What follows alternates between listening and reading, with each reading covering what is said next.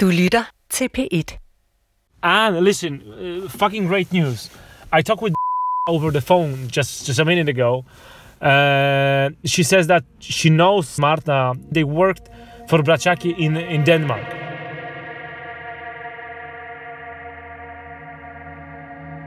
I flere måneder der har min polske kollega Patrick forsøgt at få hul igennem til nogle af de her kvinder, der angiveligt har arbejdet som prostituerede for Brachaki-brødrene i Danmark. Og flere gange har han faktisk været tæt på at lykkes. For eksempel for et par måneder siden, hvor jeg fik den her besked. I found one of ex-prostitutes who worked for Brachaki briefly, and she's super spooky and like crazy. Like, how did I find her, etc. Like, I- I think I'm halfway of convincing her to talk with me. Men kort efter skrev han så til mig, at kilden alligevel ikke vil mødes med ham. Gang på gang ender de her kvinder, som Patrick får fat på, med at springe fra. Og det er der en primær grund til. De er bange. For selvom vi ikke beder dem stå frem med hverken navn eller ansigt, så frygter de stadig brødrene, fortæller de til Patrick. Så da Patrick sender mig den her besked om, at han igen har fået hul igennem til en tidligere prostitueret, der siger, at hun ved noget om morbranden, så er jeg egentlig ikke særlig optimistisk. Jeg tænker, at det nok går som de andre gange. Men så ringer han og er meget begejstret. She's willing to talk with me. She doesn't want to go on the record with her face and and anything else, but she agreed to talk, and she she says that she has a lot of information. So yeah, Fra P1 Dokumentar. Det her er det brændte bordel. Mit navn er Anne Skærning.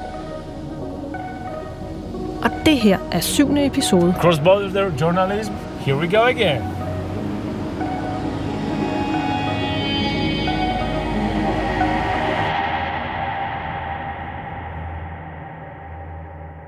Da Patrick ringer tilbage til mig, når jeg nærmest ikke kan få tændt for min båndoptager, før informationerne vælter ud af røret. Single somewhere in the night. Det første Patrick fortæller mig om, er Martha. For ifølge kilden, så var Martha først en selvstændig ruffer i Polen. Hvilket jo passer med den dom, Patrick har fået indsigt i, hvor hun netop er dømt for rufferi. Kilden vil for sin egen sikkerheds skyld hverken have sit navn eller sin stemme frem her, men både Patrick og jeg er bekendt med hendes identitet. Og vi har fået bekræftet, at hun har arbejdet som prostitueret i Danmark. Hun fortæller, at dem hun arbejdede for i Danmark, det var Braciaki-brødrene og det er derfor, hun har informationer om Martha. Hun fortæller os om en helt bestemt person, der fik Martha til Danmark. Og den her person spiller angiveligt en central rolle i forhold til, hvorfor der blev sat ild til bordellet i Heimdalsgade.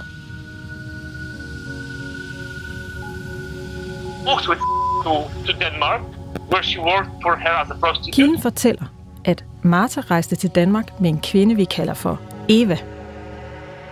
Og her begynder Martha at arbejde som prostitueret for hende. Martha og Eva de arbejder sammen i Aalborg i nogle år.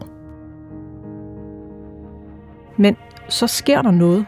Then she flipped to Brachaki. Kilden fortæller, at Martha derefter flytter væk fra Eva i Aalborg, og i stedet begynder Martha nu at arbejde for Brachaki-brødrene. She had some sort of a, a quick cooperation with Braciaki. Det samme mener de polske myndigheder, der jo har tiltalt hende for at have drevet et bordel i Danmark for brødrene. Da jeg taler med Martha, der bekræfter hun faktisk, at hun har arbejdet i Aalborg for den her polske kvinde, vi kalder Eva. Inden de to skiltes ad, og Martha flyttede sit firma fra adressen i Heimdalsgade til Lov ved Næstved. Men til gengæld siger Martha jo, at Braciaki-brødrene var væk, da hun rykkede ind i huset i Lov. Hun afviser at have arbejdet for brødrene. Men så er det, at kilden fortæller noget, som ingen andre tidligere har kunne fortælle.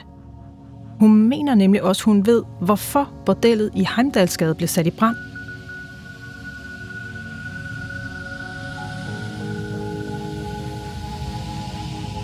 Det kilden først fortæller til Patrick, det er, at den her brand på bordellet var udløst af en konflikt mellem to polske bordelgrupper i Aalborg. Hun bekræfter altså det, som polske myndigheder tidligere har meldt ud.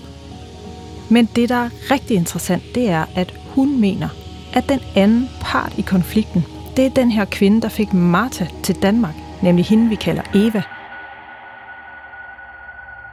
Morbranden den var altså udløst af en konflikt om en del af det danske prostitutionsmarked mellem netop Brachaki-brødrene og Eva, siger kilden. According to her. But basically, Brachaki wanted to burn their brothel just to show off, just to show them that, listen, back off, don't fuck with that. Bordellet blev ifølge kilden brændt ned, fordi Eva skulle have en lærestreg. Kilden fortæller os, at Eva og Brachaki-brødrene faktisk var gamle konkurrenter tilbage i tiden i Polen. For ifølge kilden drev Eva også en bordelforretning i Gdansk og omegn, inden hun rykkede til Aalborg. Øh, had a, a øh, brothels in, uh, øh, in the seaside, many of them in, uh, in downtown of Gdynia. And later on, when Brachaki went to prison, she moved her operations also to Denmark. And when Brachaki came out of the arrest, they also moved to Denmark to, to do their brothel business.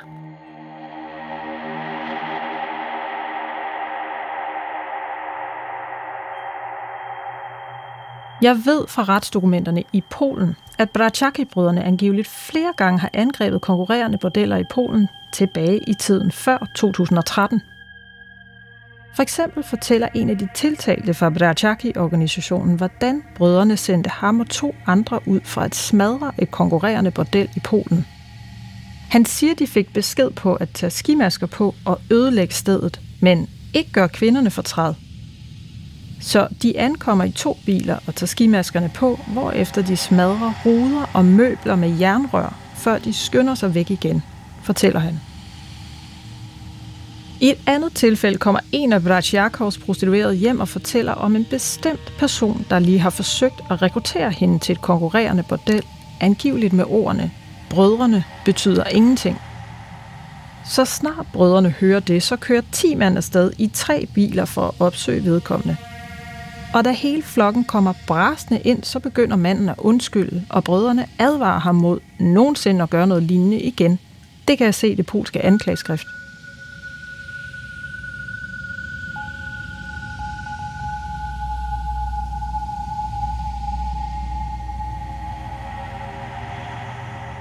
Der er dog ikke noget, der indikerer, at brødrene tidligere har forsøgt at få slået nogen ihjel. Og måske var det slet ikke meningen, at det skulle gå så galt, som det gjorde i Aalborg. I hvert fald siger kilden til Patrick, at de mænd, der satte ild til bordellet, troede, at stedet var tomt. Basically, they didn't check. They didn't have any, you know, they thought that the brothel would be empty. But it was not. So the whole thing, the whole burning of people was an accident, according to her.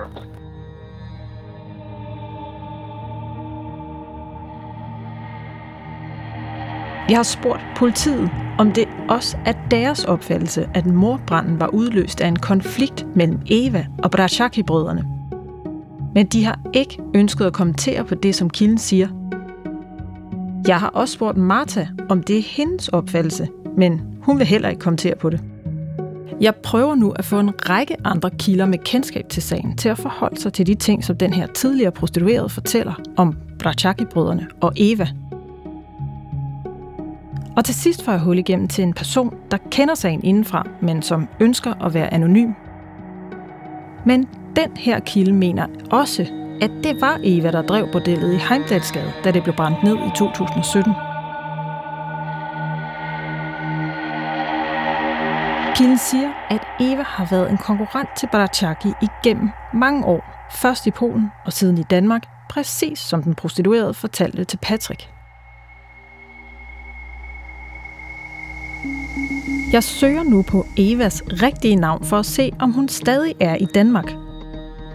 Det jeg kan se er, at hun tidligere har haft et massagefirma i Aalborg, og at hun for nylig har oprettet et nyt firma i Aalborg og har privatadresse samme sted. Så jeg vil prøve at få hende i tale.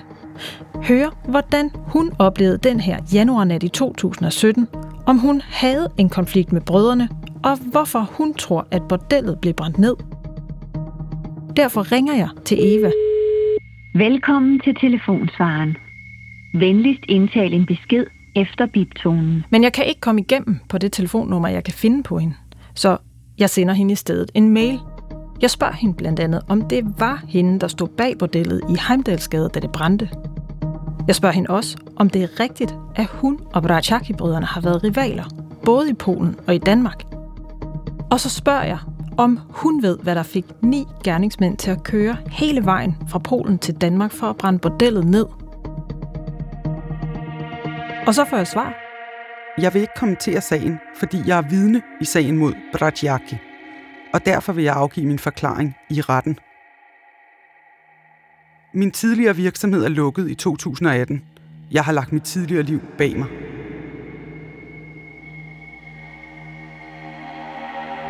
Så Eva skriver altså selv, at hun skal vidne i retten mod Brachaki. Myndighederne må også mene, at hun spiller en rolle i den her sag. Men hvorfor hun er indkaldt som vidne, og hvad hendes vidneudsagn helt præcist handler om, det vil hun ikke uddybe. De tre Brachaki-brødre er altså tiltalt for at have bestilt nedbrændingen af bordellet. Men ifølge deres advokat, så nægter de så skyldige. Ifølge ham var det nogle andre personer fra Polen, der havde et udstående med nogen på bordellet. Om morbranden, der jo ender med at koste Honorata livet i flammerne, var resultatet af en konflikt mellem Brachaki-brødrene og Eva, og om gerningsmændene faktisk troede, at bordellet var tomt, da de satte ild til det. Det kommer retssagen i Polen formentlig til at kaste et endnu klarere lys over.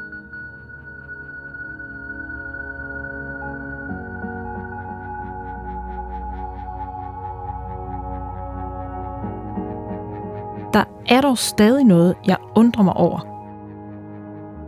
For efter jeg har læst hele det her anklageskrift om de her Brachaki-brødre, og hvad de er tiltalt for at have gjort ved deres prostituerede i Polen, hvorfor har nogen prostituerede så ville arbejde for dem i Danmark? Netop det her spørgsmål stiller Patrick også den prostituerede, der tidligere har arbejdet for brødrene i Danmark. Og svaret det er ret overraskende for mig. Uh, this is something uh, which is in contrary to everything what we heard and what we read. But told me that Brachaki, they were nice guys. Flinke fyre, kalder hun dem. The, the deal was, was very clear, like 50-50. Uh, they were given protection. They didn't uh, force them to overwork themselves. Conditions were quite good. She couldn't complain. Uh, that, uh, of course, she she she she, she, uh, she acknowledged that there were some bad moments with Brachaki, but on the other hand, was okay. Det hun forklarer er, at aftalen med dem altid har været klar. Indtægterne blev delt 50-50 mellem kvinderne og brødrene. Og det her er ifølge kilden en god deal i forhold til, hvad man ellers kan komme ud for. Og frem for alt, så var der penge at tjene, fortæller kilden. Mange penge. So the money was really, really, really good. Også selvom hun skulle aflevere halvdelen af det, hun tjente. She couldn't, she couldn't with the money. Okay.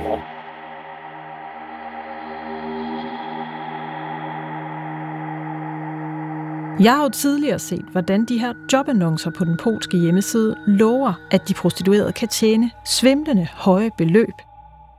Men jeg har også fundet andre ting, der peger på, hvor meget de her udenlandske prostituerede nogle gange kan tjene i Danmark.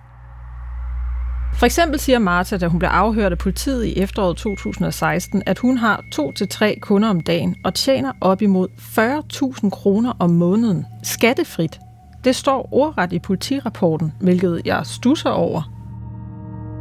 Jeg har også fundet en rufferidom fra Horsens, hvor tre polske kvinder siger i deres vidneudsagn, at de på en uge har kunnet tjene mellem 5 og 8.000 danske kroner til sig selv, plus det samme beløb til deres bagmand. Dog siger en af dem, at der også har været tidspunkter, hvor hun ikke tjente noget. It's all about the money. Ja, And people can earn uh, very, very big money. Uh, it's something unreachable for most of Poles living in living here. It's a big temptation for them. Of course, it, you know it, it has its uh, ups and downs, but eventually you can earn a lot of money in a very short time. Ifølge Patrick, så kan polsk prostitueret i Danmark opnå en højere månedsløn, end de fleste normale polakker kan i Polen. Det gælder også for en kvinde som Honorata. Hende, der mistede livet i branden. For hun havde jo en universitetsuddannelse. So even though uh, Honorata, she had like a university uh, degree, she can earn more as a prostitute? Yes, for sure.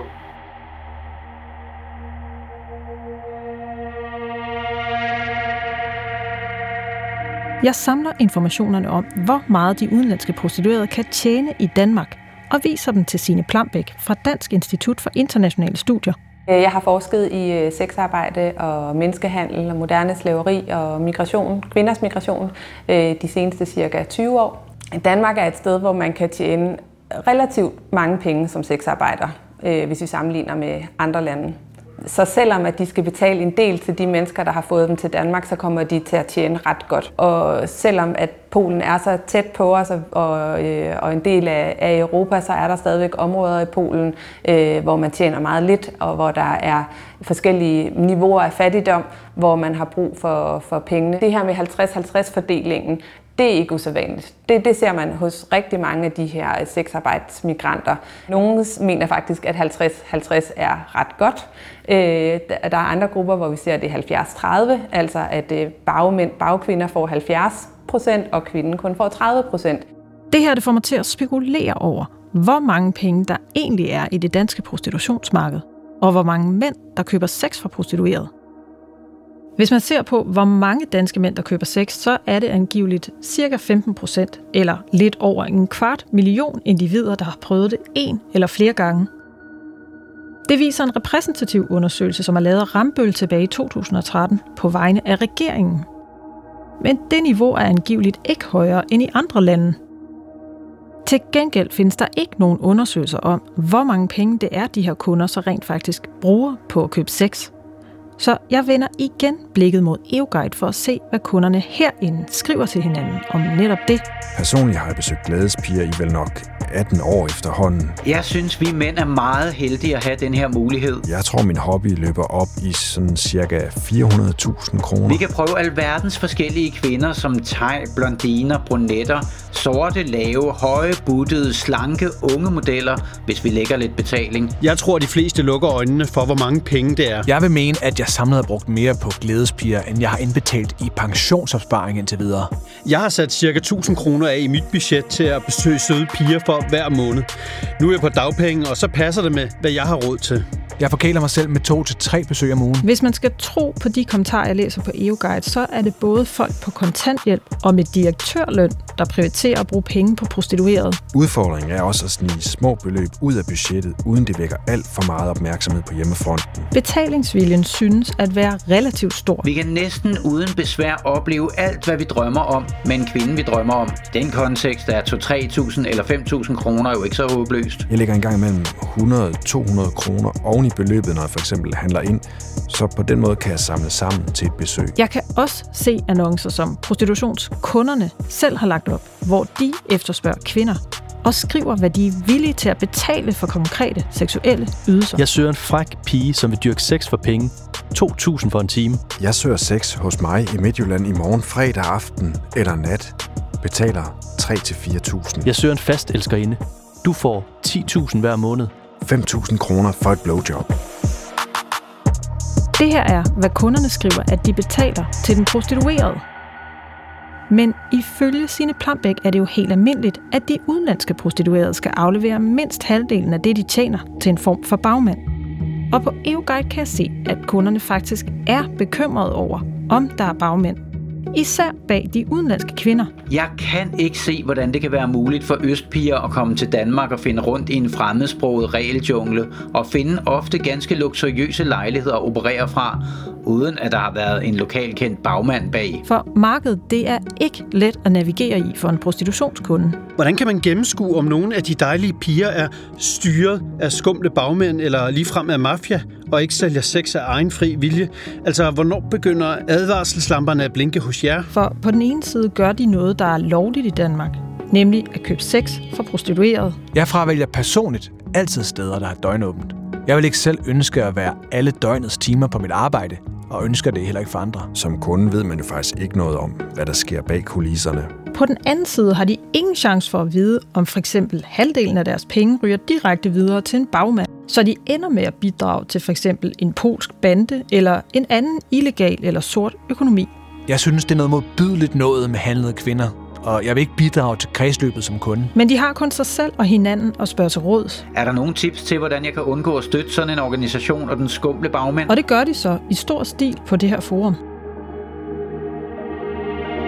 Hvis vi zoomer ud og ser på alt det, jeg har fundet frem til i løbet af den her rejse gennem prostitutionens Danmarkskort, så kan det være ret svært for danske prostitutionskunder at finde ud af, hvem deres penge egentlig ender hos. For selvom det er ulovligt for bagmænd at tjene penge på prostituerede her til lands, så har jeg alligevel kunne finde mere end 150 rekrutteringsannoncer, udelukkende henvendt til polske kvinder, der skal arbejde som prostituerede i Danmark. Opslag, der ifølge eksperter tyder på, at der er bagmænd, der tjener penge på de kvinder, de rekrutterer. Jeg har også kunne kortlægge, hvordan det ser ud til, at prostituerede systematisk flytter rundt mellem forskellige adresser, og hvor det i flere tilfælde kan se ud som om, der er andre, der styrer kvindernes annoncer. Hele det her billede, jeg har tegnet, det viser jeg til forsker Signe Plambæk. Altså det her kunne jo ikke fungere, uden at der var nogen, der tjente øh, penge på det. At det kan fortsætte i så mange år, og at der er øh, nogle af de sager, vi har set i Danmark, en kamp om markedet, øh, viser jo tydeligt, øh, at der er en mulighed for at tjene penge på det. Øh, og når der er kamp om markedet, så ser vi hyppigere øh, i de østeuropæiske øh, grupperinger, at det udløser vold og meget voldelige øh, reaktioner, enten mod kvinderne eller mod hinanden. Den her hyppige cirkulation af de udenlandske prostituerede, som jeg kan se i min kortlægning, det indikerer ifølge Sten Schamburg Møller, juraprofessor på Syddansk Universitet, at mange udenlandske prostituerede ofte ikke selv bestemmer over, hvor og hvornår de skal arbejde det stiller jo helt åbenlyst den pågældende i en ret dårlig situation, hvis vedkommende sådan tænker, okay, jeg har godt nok sagt ja til det her, men nu siger jeg altså ikke ja i længere. Det her det er simpelthen for dårlige vilkår. Hvis ikke man aner, hvor man er, og, altså, hvis ikke man taler sproget, og hvis, øh, det stiller selvfølgelig den pågældende i, i en meget dårlig situation. Og forklaringen på, hvorfor alt det her sker, hver uge, hver måned, rundt omkring i Danmark, det skal blandt andet findes i den danske lovgivning og i myndighedernes ressourcer til området, mener eksperterne. Altså bare selve ordet rufferi er jo på en eller anden måde, det taler sådan lidt, hey, hvor er vi henne? Er vi 1800-tallet? Altså hvad, hvad er det her for noget? Ikke? Det er lidt sådan en, en underlig mellemvare, øh, hvor man, øh, og, og igen, altså, som jeg ikke synes, man har ikke, man har ikke helt sådan tænkt det igennem. Danmark kan man betragte lidt som sådan et, et, et gråzoneland imellem øh, forskellige andre europæiske lande, øh, hvis man kigger på, øh, på Sverige, øh, hvor mænd og kunder ikke må købe sex, og andre lande, hvor det er, er helt øh, lovligt. Øh, og vi ved fra meget forskning, at det hjælper ikke kvinderne bedst muligt at forbyde øh, og, øh, at købe sex. Øh, fordi så bliver meget af det øh, endnu mere øh, mørkelagt. Vi har endnu mindre adgang til at lave socialt arbejde og opsøgende arbejde. Øh, så på mange måder øh, har Danmark lagt sig et sted midt imellem. Det betyder så også samtidig, at der er i de grimme sager bagmænd og bagkvinder, som sandsynligvis ikke bliver dømt, selvom de burde. Min formodning er, det er ikke den bedste måde at beskytte på så har vi en, en gruppe, der arbejder på en lidt speciel måde, men som har en dårlig beskyttelse.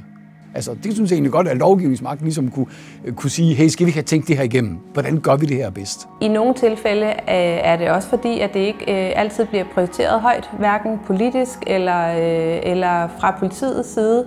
Øh, det er komplekse sager at, øh, at optravle og bevise. En af de helt store problemer for mange af kvinderne er, at de jo ikke har de samme rettigheder som andre arbejdstager, fordi sexarbejde ikke bliver betragtet øh, som et erhverv. Så når der sker en arbejdsulykke, øh, som, som vi har oplevet øh, i blandt de polske sexarbejdere, så har hun ingen rettigheder, så har hendes familie ingen rettigheder, der er ingen øh, kompensation. Taberne er tit øh, de udenlandske kvinder, øh, som ender øh, i dårlige situationer uden nogen rettigheder overhovedet.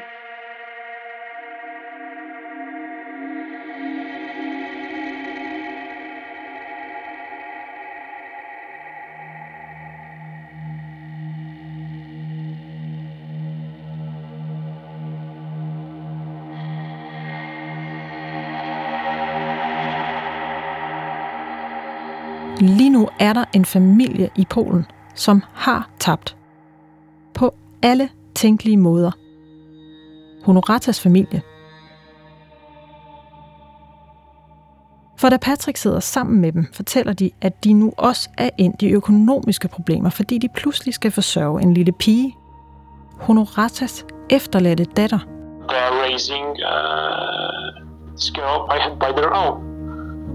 And it's you know it's tough situation for them because uh, as far as they told me that uh, she they didn't get any uh, help from the state because Honorata didn't have some sort of an insurance.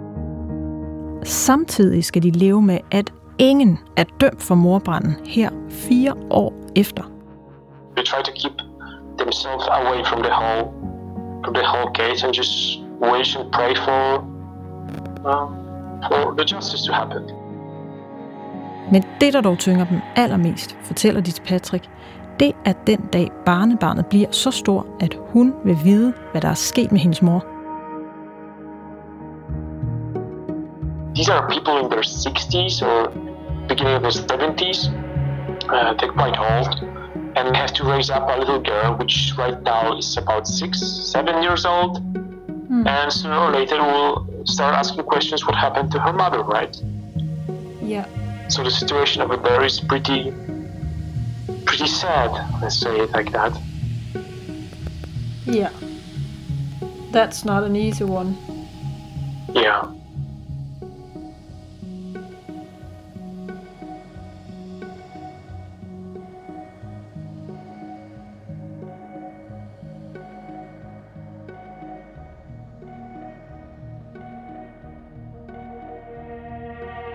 Polen, der skulle den her retssag mod Braciaki-brødrene, Marta og de andre tiltalte egentlig være gået i gang for flere måneder siden.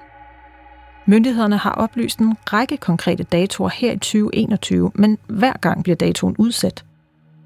Det interessante for mig er, hvad der kommer frem under den her retssag. Kan det bevises, hvem der stod bag branden i Heimdalsgade? Hvad har de polske myndigheder af dokumentation for, at det hele bundet i en konflikt mellem to kriminelle bander i Aalborg? Og kommer de med et svar på, hvorfor Honorata skulle dø?